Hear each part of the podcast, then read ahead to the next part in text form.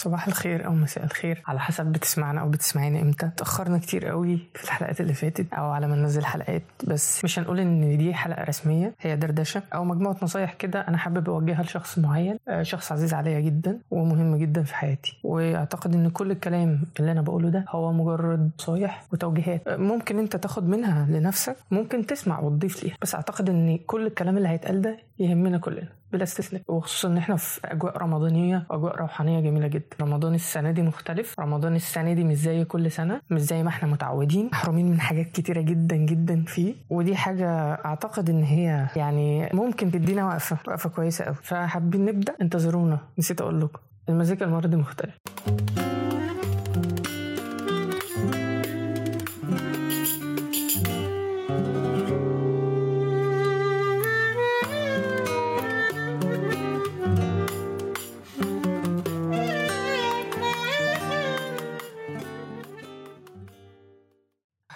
شوية عن يعني الوضع اللي إحنا فيه. يعني إحنا ما عرفناش قيمة رمضان غير لما اتحرمنا من التراويح والخروجات والزينة موعد الرحمن الدوشة طول اليوم.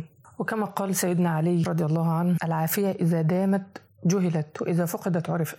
وإحنا فعلا عرفنا قيمة كل حاجة دي. عرفنا قيمتها كويس جدا جدا جدا. بس بعد فوات الأوان بعد ما اتحرمنا منها بسبب الأوضاع الحالية أو ايا يكن الوضع اللي إحنا فيه وضع مش كويس وما كناش نعتقد إن هو هيجي في يوم من الأيام. ودي مشكلة كبيرة قوي إن الإنسان يألف النعمة. يعني إن الإنسان يألف النعمة دي بتولد عنده شيء من اللامبالاة. اللامبالاة دي بتعمل كوارث كبيرة جدا.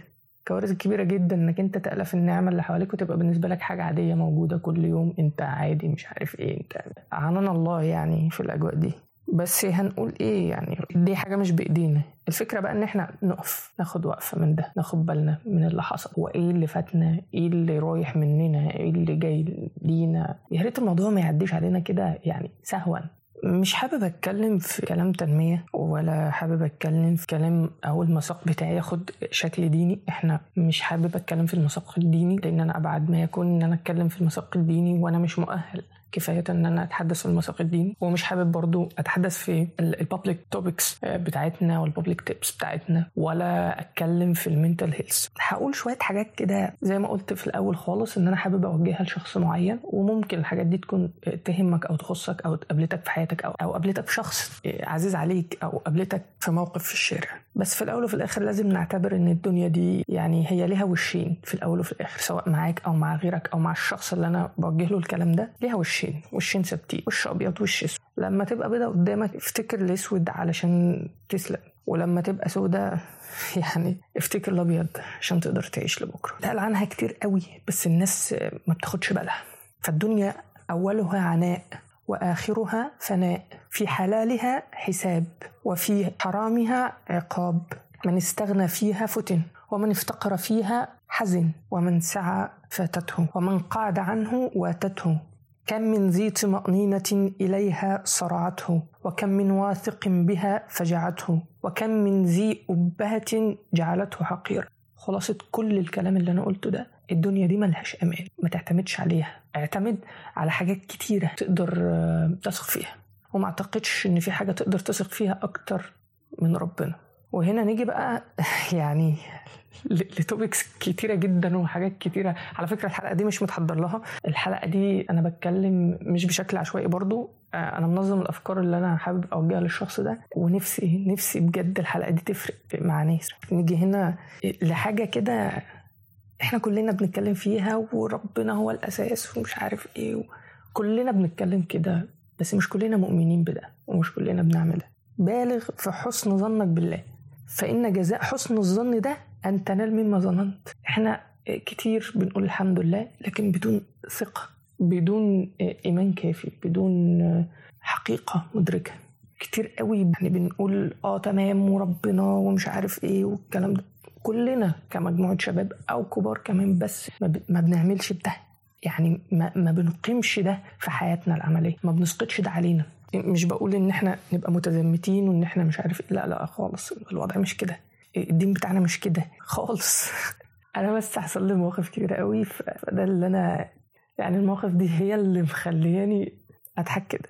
أنا مش بضحك استهزاء بالكلام. أنا بضحك من إن أنا إنسان عشت كتير غافل عن رحمة ربنا. المشكلة بقى إن أكتر ناس هتتحاسب هي الناس اللي عندها علم بالشيء وليس اللي عندها جهل بالشيء. وأنت عندك جهل بيه يعني أنت مش عارف إن ده ذنب أصلا فأنت مش هتتحاسب عليه. لكن لو أنت عارف إن ده ذنب وعملته فأنت يعني خلاص بقى كده مش عارف أقول إيه وأتكلم في إيه. كلام كتير قوي وتوبكس كتير قوي ونصايح كتير قوي. ويمكن موضوع الدنيا ده بيتاخد بشكل مبالغ فيه.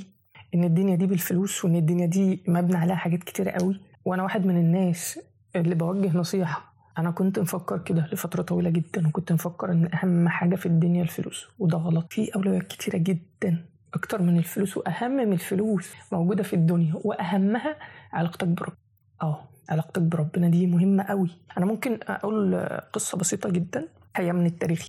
قصة أبو جعفر المنصوري. ده كان خليفة. حينما بويع بالخلافة راح للناس عشان يهنوه بإمارة المؤمنين. فدخل عليه واحد من الواعظين اسمه سيدنا مقاتل بن سليمان. ساعة ما أبو جعفر شافه قال إيه؟ جاء ليعكر علينا صفوة يومنا. هيقعد بقى يوعظنا وهيقول واوعى تعملوا واوعى تسوي فقال إيه بقى؟ ده أبو جعفر المنصوري فقال إيه بقى؟ قال أنا هبدأ قبل ما هو يبدأ عشان لو زود يبقى أنا اللي إيه؟ اللي قلت له. شوف ده واعي. يعني أبو جعفر المنصوري ده واعي شوية. فقال له إيه؟ أول ما دخل عليه سيدنا مقاتل قال له إيه؟ قال له عظنا يا مقاتل. فسيدنا مقاتل رد عليه قال له إيه؟ قال له جملة غريبة قوي.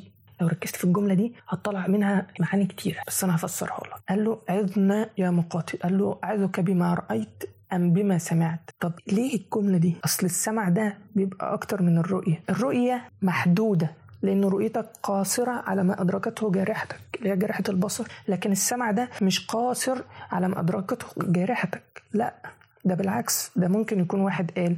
واحد عاد واحد نقل. يبقى السمع ده مش قاصر على إدراك جارحتك بس ده كمان جوارح الناس التانية. ولا اللي سمعته؟ ما هو يمكن اللي أنا سمعته يبقى فيه كلام كذب لكن اللي أنا شفته ما فيهوش كلام كذب.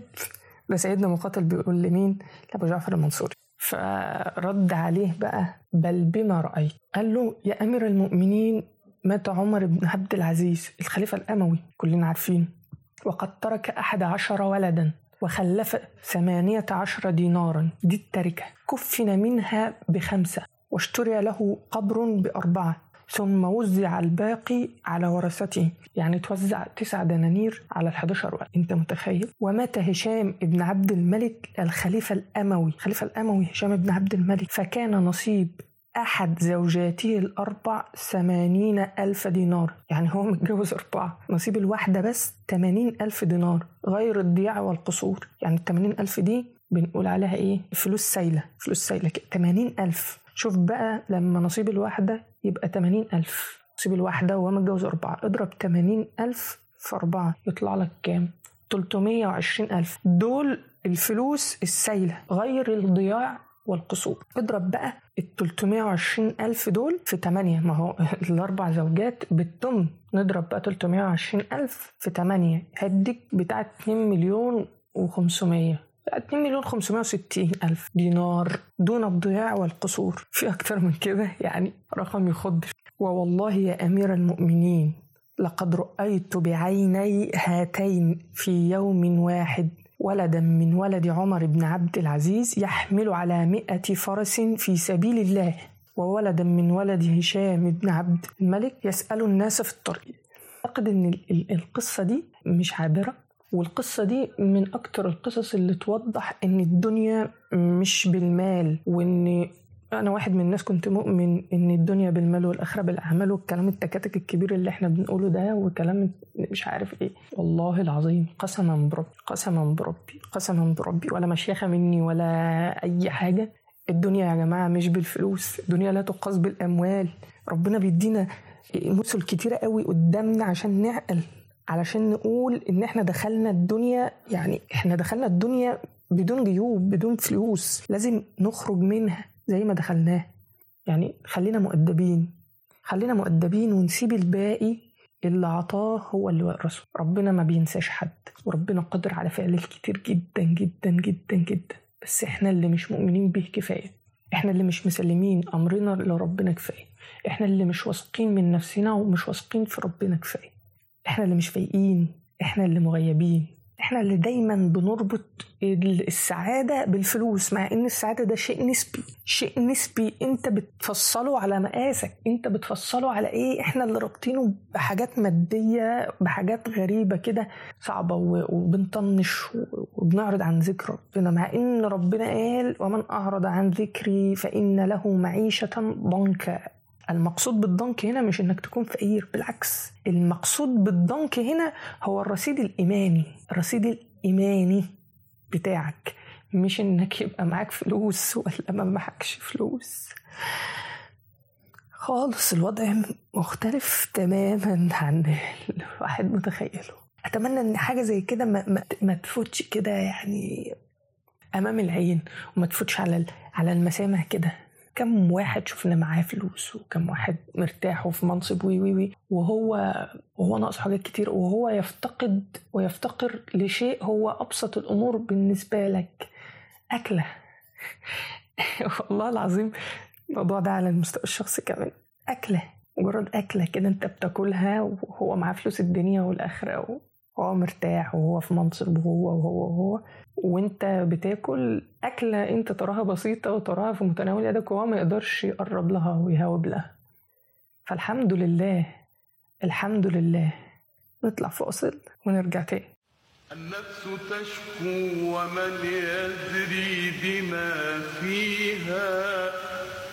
سواك يا خالق الدنيا وباريها.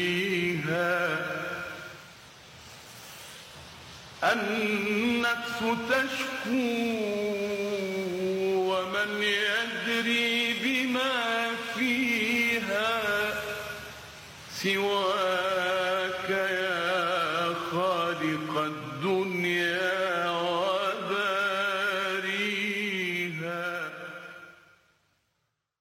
أتمنى إنه يكون الفصل عجبكم وهنرجع نتكلم تاني ونطيب يعني أنا أعمل إيه؟ أيوه بعد الكلام اللي أنت قلته واتكلمته هنا وهنا. يعني أنا مطلوب مني أعمل إيه؟ مطلوب منك إنك أنت تعمل مقياس تقيس على نفسك وتشوف تشوف اللي عدى من حياتك ده إيه؟ تقف. رمضان ده مش لازم يعدي عليك مرور الكرام. كفاية إن إحنا محرومين من حاجات كتيرة قوي زي ما اتكلمت. محرومين من حاجات يمكن أنت ممكن ما تستوعبهاش أو ممكن تكون بالنسبة لك عادي أو ممكن تكون بالنسبة لك كانت مجرد ترفيهيات إنك تخرج وتشوف والتراويح ومش عارف إيه والروحانات بالنسبة لك كان الجو ده. لا خالص خالص. كفاية إن إحنا اتحرمنا من المساجد الفترة الطويلة دي. كفاية إن إحنا محرومين منها في رمضان. ال- الوقت اللي الواحد كان بيجري مليان ذنوب على المساجد عشان يتوب. اجري دلوقتي هتروح مسجد فين؟ هتروح ربنا فين؟ ربنا في كل مكان. خلينا متفقين وربنا تروح له. وانت واقف في أي مكان وعايز تتوب حتى لو في مكان معصيتك هتتوب وربنا هيتقبل منك على حسب نيتك طبعا. بس أنا بتكلم إن إحنا في أجواء زي دي كان الواحد بيفصل عن الدنيا بيقدر يعمل كنترول كان بيجري ويلحق الحبتين اللي موجودين في طاقته الحبتين الذنوب اللي عايز يمسحهم.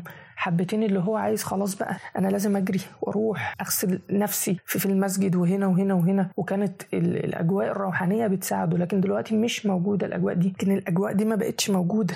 آه ربنا غفور.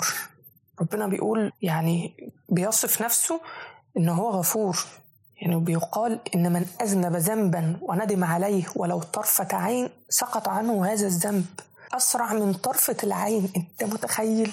ومن اذنب ذنبا وعلم أن الله قد رآه غفر له.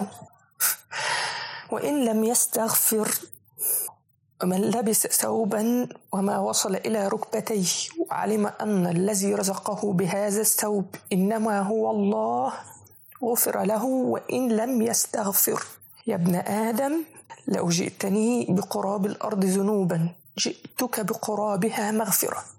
أعتقد إن الكلام ده كله مش لازم يمر مرور الكرام. لازم وقفة لازم وقفة وتبص لحياتك لازم وقفة وتحدد أولوياتك. مش مش بدعي الفضيلة. أنا أكتر واحد محتاج الكلام ده. لكن أنا يمكن بحط highlight على حاجة كده أنا حاسسها أنا شايفها أنا أنت كمان شايفها وأنت كمان حاسسها. بس يا بتطنش يا الدنيا واخداك. انت بتجري على ال treadmill لقمة العيش دراستك العيشة الخروج اللي اللي اللي ال treadmill واخداك. مش مخليك شايف أي حاجة. لازم تقف. لازم تقف وتبص. هو أنا فين؟ هو أنا رايح فين؟ أنا جاي منين؟ ال treadmill بتاعتي دي هتوديني فين؟ ال treadmill دي أشكال كتيرة وأشكال مختلفة ممكن تكون صحاب شغل عيال مسؤولية بوظان حاجات كتيرة قوي. ال treadmill دي ممكن تكون يأسك يأسك من الدنيا ومن الحياة. تفكيرك الغلط. أقف. أقف. أقف. الوضع مش مش مستحمل. ال- الوضع مش مستحمل ده كله. هنطلع فاصل. وهنرجع تاني. استنونا.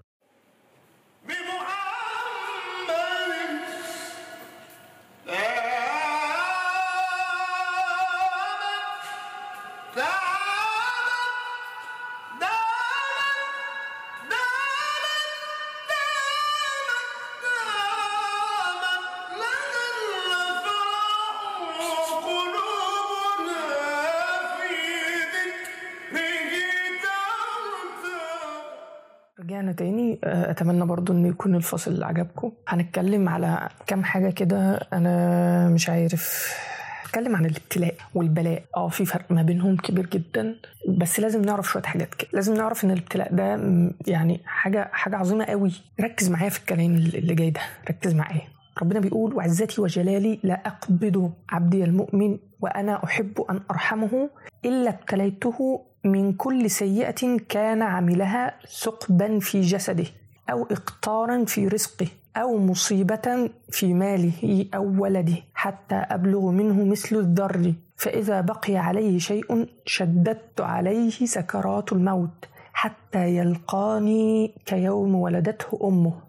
يعني ربنا عايز يدخلك الجنة بكل شكل من الأشكال. بس إحنا بنقاوح ونفسنا أقوى من الشيطان وأقوى من أي حاجة ونفسنا هي اللي مساعدانا إن إحنا نروح النار ونفسنا هي اللي مساعدانا إن إحنا نبقى هنا ونفسنا هي اللي مساعدانا إن إحنا نبقى واقفين كده. اقف اقف كده. وبص لنفسك أنت بقيت فين وكنت فين وأولوياتك كانت إيه. بص لنفسك بص لنفسك كويس قوي وأنت هتفهم الدنيا رايحة فين وجاية منين معاك. الدنيا فعلا هتساعدك وهتعينك ولا لأ؟ طب طب آخرتها إيه؟ وأعتقد كلنا عارفين إحنا بنعمل إيه. مش محتاجين توعية مش محتاجين حد يقول لنا أنتوا بتعملوا إيه. مش محتاجين مقياس إن إحنا نقول إحنا فين بالظبط. ورغم كده أنا هديك مقياس بسيط مقياس بسيط قوي. ورغم كده أنا عايزك تفكر معايا عايزك تركز في حاجة. إن القضاء إذا نزل لابد إن إحنا نسلم به ليه؟ لا يرفع قضاء حتى يرضى به. محدش بيلوي إيد ربنا. حاشا الله يعني. مش هترضى هيفضل البلاء. لذلك الناس اللي بيعيشوا في بلاء طويل هم السبب. لأنهم ما رضيوش. من رضي بقدري أعطيته على قدري. إحنا بس اللي مش شايفين ما وراء الابتلاء. إحنا اللي بس مش شايفين اللي قدام ده إيه. خير مثال على ده إنك أنت لو رضيت بقدر ربنا ربنا هيعطيك على قدره وإن إحنا مش شايفين اللي ورا الابتلاء ده؟ سيدنا يوسف سيدنا يوسف عليه السلام شوف عملوا إيه في, رموه في الجب والسجن. لكن شوف الآخرة كانت إيه مكنا ليوسف في الأرض. مكنا ليوسف في الأرض دي كانت كبيرة قوي وطلع العرش و... يعني اذا المسألة إنك ترضى بالقضاء. إنك ترضى بالقضاء. ربنا يعني هيبين لك الحكمة من ده. هيبين لك الحكمة من القضاء ده. إيه بالظبط؟ ولذلك الإنسان لو نزل به يكرهه ونفسه ما تطيبش ليه لابد إنه يعرض الأمر على نفسه اولا ويقول أنت ليك سبب في ده ولا مالكش؟ اللي هو مثلا إيه؟ اللي هو سقط لأنه ما ذاكرش. يبقى العلاج إن هو يذاكر. طب لو كان من غير مثلا دخل ليه اللي هو كان مثلا ذاكر وكل حاجة وتمام وراح الامتحان وجاله دور دوخة مثلا أو ما عرفش يجاوب. نقول له ده بقى مش شغلتك بقى. دي شغلة اللي عملها فيك شغلة ربنا بقى اللي هو ليه ليه حكمة في كده؟ يمكن ما كنتش هتجيب المجموع اللي يدخلك الكلية اللي انت عايزها أو يمكن كنت تتحسد أو تتغرب نفسك. لذلك المقياس في المثل هنا إنك ترضى بما قضي لك وهنا لابد إن إحنا نعرف الفرق بقى ما بين البلاء والابتلاء. البلاء هو ما ينزل بالمرء من صنع يديه. يعني انت عملت حاجة غلط نزلت لك. لكن الابتلاء هو قدر ينزله الله حبا فيك أو تخفيفا لك عشان يرفع قدرك. ركز قوي في الحتة دي عشان تعرف اللي فيك ده بلاء ولا ابتلاء. وكل منا أدرى بذاته. يعني كل منا أدرى بذاته. وربنا ربنا عايز يغفر لنا. ربنا عايز يرحمنا. فاكرين أنتوا الراجل اللي قتل 100 نفس؟ 100 رجل. واختصمت عليه ملائكة العذاب وملائكة الرحمة. وأوحى الله لأرض المعصية بأن تتباعد وأرض الطاعة بأن تتقارب. يعني يعني ده ربنا غير مسار الكون عشان توبة شخص واحد. يعني سبحان الله سبحان العزيز الرحيم. يعني الذي رحيم في عدله وعقوبته كما أنه رحيم في فضله وإحسانه ومثوبته. فسبحان الله إحنا بس اللي ما بنرضاش إحنا اللي مش شايفين كويس إحنا اللي مش مؤمنين كويس. وخلي بالك يعني أكثر الناس بقى يعني فلتة منهم شوية الناس اللي بتصلي بقى. لأنه يعني هو بيصلي أهو ومدرك إن هو بيقيم الصلاة. لا في فرق في فرق كبير جدا ما بين إقامة الصلاة وفرق كبير جدا ما بين أداء الصلاة. إقامة الصلاة ليست في المسجد اللي أنت بتأديه في المسجد ده يعني ده أداء الصلاة. إقامة الصلاة هو لما تخرج من المسجد هل تقيم ما عاهدت الله عليه ولا لأ؟ ما تفعله في المسجد ده هو أداء الصلاة في وقتها. إنما إقامة الصلاة هو أثرها عليك أثر الصلاة عليك. هل فعلا أنت عهدت ربنا إن أنت مش هتعمل ده ومش هتعمل ده ومش هتعمل لما تطلع من المسجد بتعمل ده ولا لأ؟ أنا مش بدعي الفضيلة وأنا مش شيخ وأنا مش إمام.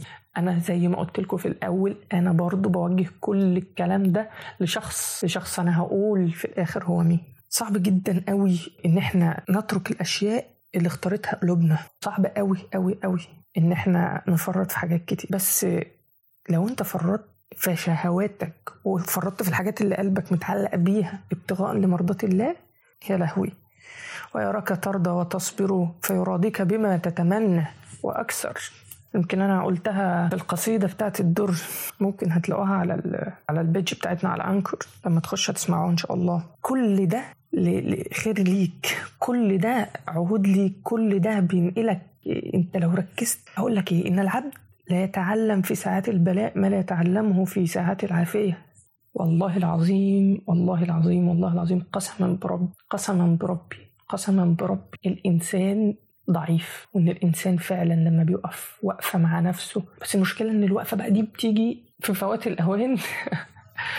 يا بعد ما بتفقد عزيز وغالي. الحمد لله على كل حال. أنت فعلا لو وقفت مع نفسك وحسبت نفسك شفت ال treadmill بتاعتك وقلت بس stop هنا أنا هعمل إيه ورايح فين وجاي منين والدنيا فيها إيه؟ هتفهم.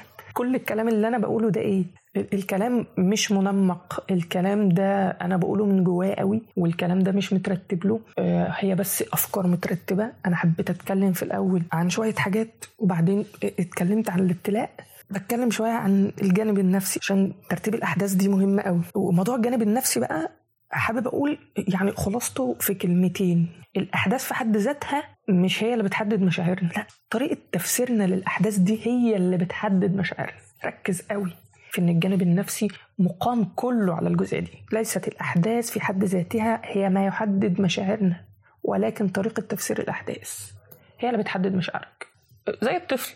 الطفل لو ضربت الطفل أو لطمت الطفل بنية إنك بتلعب وبتجريه ومش عارف إيه عمر ما الطفل هي لكن بمجرد بصتك للطفل أو إهانته أو إنك بتعاقبه شوف شكل الطفل هيبقى عامل إزاي أو شوف رد فعل الطفل هيبقى عامل إزاي. فهمت قصدي؟ الصحة النفسية والمنتال هيلث والكلام اللي أنا كنت بتكلم فيه ومش عارف إيه ومش عارف إيه الكلام ده كله متلخص في كلمة. اعتصم بالله. كن مع ربنا. ربنا هيكون معاك. فاصل وهنرجع تاني. رمضان يا رمضان أهلا بك يا رمضان. يا خير أشهر الرحمن فيك أنزل القرآن. رمضان يا رمضان. أهلا بك يا رمضان. يا خير أشهر الرحمن فيك أنزل القرآن. الله يا الله لا إله إلا الله. الله يا الله. محمد يا حبيب الله. الله يا الله. لا إله إلا الله. الله يا الله. محمد يا رسول الله.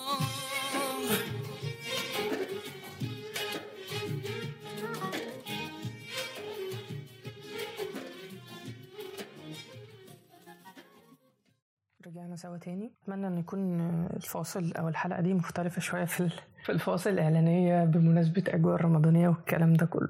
وأتمنى إن ربنا يرجع لنا رمضان تاني. وأتمنى إن ربنا يعافينا ويطلعنا من المحنة اللي إحنا فيها كلها بس يطلعنا ناس جديدة. يطلعنا بوقفات جديدة. وقفة وتشوف التريد ميل بتاعتك رايحة فين. وجاية منين. انت بتجري فين. أتمنى أتمنى أتمنى ربنا يطلعنا منها. كلنا سالمين آمنين. وما نخسرش أي حاجة. وحط في دماغك حط في دماغك إنك أنت بإذن الله بإذن الله هتقف وقفه كويسة جدا مع نفسك وهتفكر كويس قوي في اللي أنت بتعمله وإن شاء الله ربنا هيكرمك. أو أنا هتكلم بقى عن للشخص ده المهم عندي حياتك. حياتك دي بقى زي حتة إيه؟ حتة الحديدة، سبيكة الحديد، سبيكة الحديد يا جماعة اللي متابع يعني اقتصاد والكلام ده كله، سبيكة الحديد ما يتعداش آه، سعرها 10 دولار، بس لو لو خدت حتة سبيكة الحديد دي وصنعت منها حدوة، عارفين الحدوة اللي هي الجزء المعدني اللي بيركب في رجول الفرس أو الحصان، ثمنها هيبقى بتاع 25 دولار، ولو عملت منها إبر خياطة سعرها هيبقى 4000 دولار، ولو عملت منها نابض ساعات النبضة بتاع الساعة سعرها هيبقى 500 ألف دولار. زيك بالظبط كده. انت اللي بتحدد انت. ومن خلال اللي بتصنعه من نفسك ومن خلال اللي انت بتسيب اثره في المجتمع والبصمة اللي انت بتعملها. كل ده بيحدد سعرك. سبيكة الحديد 10 دولار قد تصل إلى 500 ألف دولار. وانت اللي بتحدد انت عايز تبقى ب 10 ولا ب 500 ولا ب 25 ولا ب 4000 ركز في كلمتي دي قوي. ركز فيها كويس جدا. وحدد لنفسك بعد وقفة مع ال treadmill أنا عايز أبقى كام؟ عايز أعمل إيه؟ عايز أروح فين؟ وهل الطريق اللي أنا ماشي فيه ده صح ولا غلط؟ ده بتاعتك. أنا ما أقدرش أديك مقياس. أنت الوحيد اللي في الدنيا دي اللي تقدر تقوم نفسك وتقيم نفسك وتدي لنفسك مقياس. أنا هنا بتكلم. ممكن أعمل highlights على شوية حاجات بتعدي في حياتك. ممكن لو سألتني أساعدك. لكن في الأول في الآخر محدش هينفعك ومحدش هيطلعك من اللي أنت فيه ومحدش هيغيرك غير نفسك وبس. وركز. ركز في اللي أنا قلت. مفيش حاجة في الدنيا هتنفعك غير نفسك. ومعية الله معية الله هي أقوى من ده كله. تعرف أن استعاذة القارئ يعني قارئ القرآن بالله من الشيطان هو إعداد للنفس حتى تستقبل كلام الله بصفاء لا يشوبه نزوا من الشيطان. وحين نستعيذ من الشيطان وهو خلق الله نستعيذ بمين؟ بمن خلقه. ربنا عز وجل لا يقوى الشيطان على أن تكون له مواجهه الشيطان ما يقدرش يواجهك هيواجه مين؟ هيواجه ربنا. ده إبليس نفسه قال وعزتك وجلالك. وإحنا بنسب الدين في رمضان وغير رمضان. أنا مش بعمل شيخ أنا يعني اللي يعرفني على المستوى الشخصي أنا بتغاضى عن شتائم كتيرة جدا إلا سب الدين. وبتغاضى عن حاجات كتيرة جدا في الشارع بشوفها وحاجات لأني شايف إن نصف الدهاء أن تضعه في محله. ما ينفعش تروح تتخانق على كل سقطة ولقطة وغلطة ومش عارف إيه. أنت كده مش مصلح اجتماعي أنت كده غبي. لكن في أمور معينة لابد أن تقف عليها. لابد دينك وعقلك أخلاقك كل حاجة كل اللي يعرفني على المستوى الشخصي سب الدين عندي. ده حاجة يعني خرافية. ده إبليس نفسه قال وعزتك وجلالك يعني ما قدرش يغلط في ربنا. فأنت تيجي استغفر الله العظيم. تغلط في ربنا. المهم نرجع لموضوعنا تاني إن الاستعاذة دي ما بتخليش في مواجهة. لا يقوى الشيطان على أن تكون له مواجهة إلا إذا انفرد بك. يعني انفرد بك دون خالقك وده ده مش هيحصل عشان أنت استعذت بالله. أما أن تكون في معية خالقك فلن يجرؤ الشيطان أن يذهب إليك ابدا. مش يقدر يروح لك. ولذلك معية الله يعني المعية مع الحق سبحانه وتعالى يعطيها الله في صورة تخلع قدراته عن العاجز افهم الكلمة دي كويس قوي هعيدها تاني بلهجة وبتانية بصيغة. لا يقوى الشيطان على أن لا تكون له مواجهة إلا إذا انفرد بك دون خالقك أما أن تكون في معية خالقك فلن يجرؤ الشيطان أن يذهب إليك أبدا ولذلك المعية مع الحق سبحانه وتعالى يعطيها الله صورة تخلع قدرته على العاجز. هقولها بصيغة تانية أو بلهجة تانية. الشيطان لو اتفرج بيك يقدر يهزمك ويدمرك لأن أنت نفسك مش مستعد لأن أنت نفسك مش ضعيفة. لكن لما بتيجي تقرأ وبتستعيذ بالله من خلق يعني بتستعيذ بالله من خلق الله اللي هم يعني ولا حاجة فأنت بتبقى في معية الله. معية الله هي كينونة إحنا لو أدركناها هن- هنفهم يعني إيه الحمد لله رب العالمين. هنفهم يعني إيه أستغفر الله العظيم. هنفهم كل حرف بنقراه كل حاجة بنعملها بشكل مختلف بشكل يخليك يعني آه، تفكر كتير قوي قبل ما تعمل حاجة غلط. تفكر في الكلام اللي أنا كنت بتكلمه من شوية آه، بكاء اللي أنا كنت ببكيه من شوية ده مش من فراغ مش من فراغ والله مش من فراغ. أنا هتكلم عن آخر حاجة النهارده أو آخر حاجة أنا كنت مرتب لها علشان ما أطولش بس عليكم علشان آه، الحلقة دي شكلها طويلة شوية. هتكلم عن آه، عن الموت. إحنا فقدنا ناس كتيرة عزيزه علينا. ممكن ما يكونوش توفى آه، ممكن نكون فق- فقدناهم بسبب موقف ما وهم مش موجودين في حياتنا بقى. هم أصحابنا إخواتنا حبايبنا الخ الخ الخ أو يكونوا توفوا. وارجو من منكم كلكم إنكم تدعوا لحبيبي وصديقي المصباح المنير في حياة ناس كتيرة قوي. أرجو إن ربنا يعني يرحمه ويغفر لي ويجعل قبره حجرة من حجرات أهل الجنة يا رب. قائد حسن يا رب. اللهم آمين يا رب. بحق الأيام المفترجة دي. يقال إن المؤمن إذا مات بكى عليه موضعان موضوع في الأرض وموضوع في السماء. حاجة غريبة قوي. موضوعه في الأرض بقى فهو موضع مصلاه. ليه؟ لأنه فقد الذاكر وفقد المسبح. فقد المنسجم يعني المنسجم معاه في الخضوع لرب ما عادش ما عادش بقى المكان ده بيلاقي الشخص ده المنسجم معاه لم يعد يسمع ذلك منه فكيف لا يبكي؟ ويبكي عليه الموضع الثاني اللي هو الموضع في السماء. موضع في السماء إيه الموضع في السماء ده؟ الموضع اللي في السماء ده هو مصعد عمله الطيب. فلم يعد ذلك المصعد يستقبل عملا طيبا فكأن للأرض اللي هي الجماد الجماد اللي إحنا بندوس عليه. إحساس بالعابد. ولذلك قديما آه، كنا بنسمع آه، في اللغة الناس اللي بتحب اللغة العربية أو الناس اللي بتدرس في اللغة العربية فلان نبى به المكان. نبى به المكان أي كره إقامته فيه. يعني إيه؟ يعني إيه؟ يعني في مكان بيكره قعدة صاحبه فيه؟ آه. طب ليه كره إقامته فيه؟ لأنه غير منسجم التصرف مع الوجود. غير منسجم التصرف مع الوجود كله فهو يكرهه. انت انت اللي بتحدد المكان الأرض الجماد بتحس بيه. فكر كويس قوي. إحنا قعدنا عصينا ربنا فين بالظبط. هرجع أقولها تاني وأعيدها. أنا مش شيخ ومش بدعي الفضيلة. إحنا بس بندردش مع بعض. سانتوكس دردشة وبتاع. افتكر كويس قوي انت عصيت ربنا فين؟ افتكر كويس قوي إحنا عملنا إيه فين؟ افتكر أذينا مين فين؟ افتكر الكلام ده كله وهتفهم أنا بتكلم عن عن الجماد المكان نفسه. مش عارف يعني مش عارف أوصلها إزاي. بس أعتقد إن هي واصلة لناس كتير قوي وناس كتير فاهماها. الموت الموت اللي صاحبه يتغير حياته. آه. إنك يبقى عندك يقين إنك هتموت وكل حاجة هتروح. ومش هيتبقى غير اللي عملته ساعتها بس هتتغير حياتك. وبعدين يعني مش فاهم إحنا بنخاف من الموت ليه؟ وكلنا متنا كذا مرة. كلنا متنا كذا مرة وإحنا شباب بيموت الطفل اللي جوانا وإحنا معجزين بيموت الشاب اللي جوانا كلنا متنا كذا مرة وكل مرة بنعيط.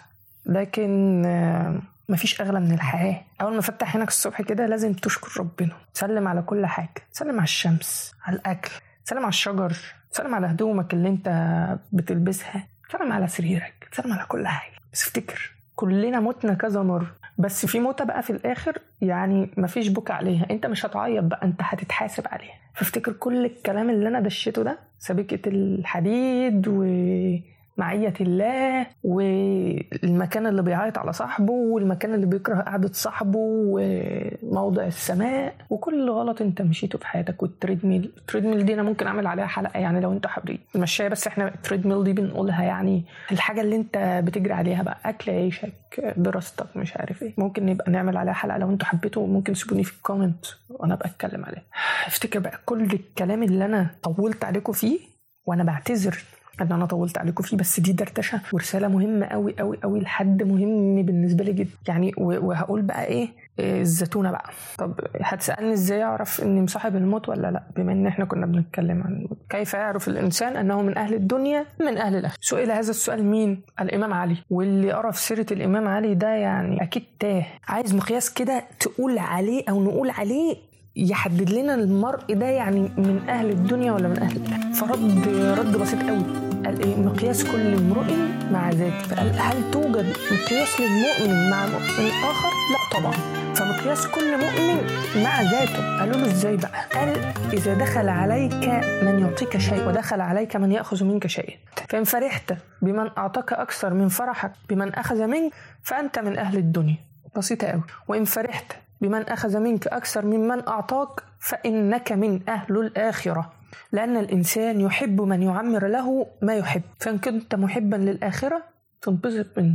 وإن كنت محب للدنيا تنبسط من الأولاني لو الكلام ده مش مفهوم هخلصه في كلمتين. لو أنت إنسان قاعد كده ودخل عليك واحد اداك هدية ودخل عليك سائل طلب منك طلب. لو انت فرحت بالأولاني أكتر من التاني فأنت من أهل الدنيا. ولو انت فرحت بالتاني أكتر من الأولاني فأنت من أهل الآخر واللهم اجعلنا من أهل الآخر وطيب نفوسنا مع إن إحنا كلنا يعني هنفرح بالهدية أكتر. خصوصا اليومين دول. أتمنى إن أنا ما أكونش طولت وقلت كلام رغي كتير. آه، أنا سعيد جدا بالتوك ده. والشخص اللي أنا موجه له التوك ده هو أنا. موجه له التوك ده بناء عن فترة طويلة كده وعصيبة. آه، كان فيها حاجات كتيرة غلط بس أنا مش بتكسف إن إن أنا أقول أنا غلط فرحان إن الفترة دي عدت بكل مساوئها.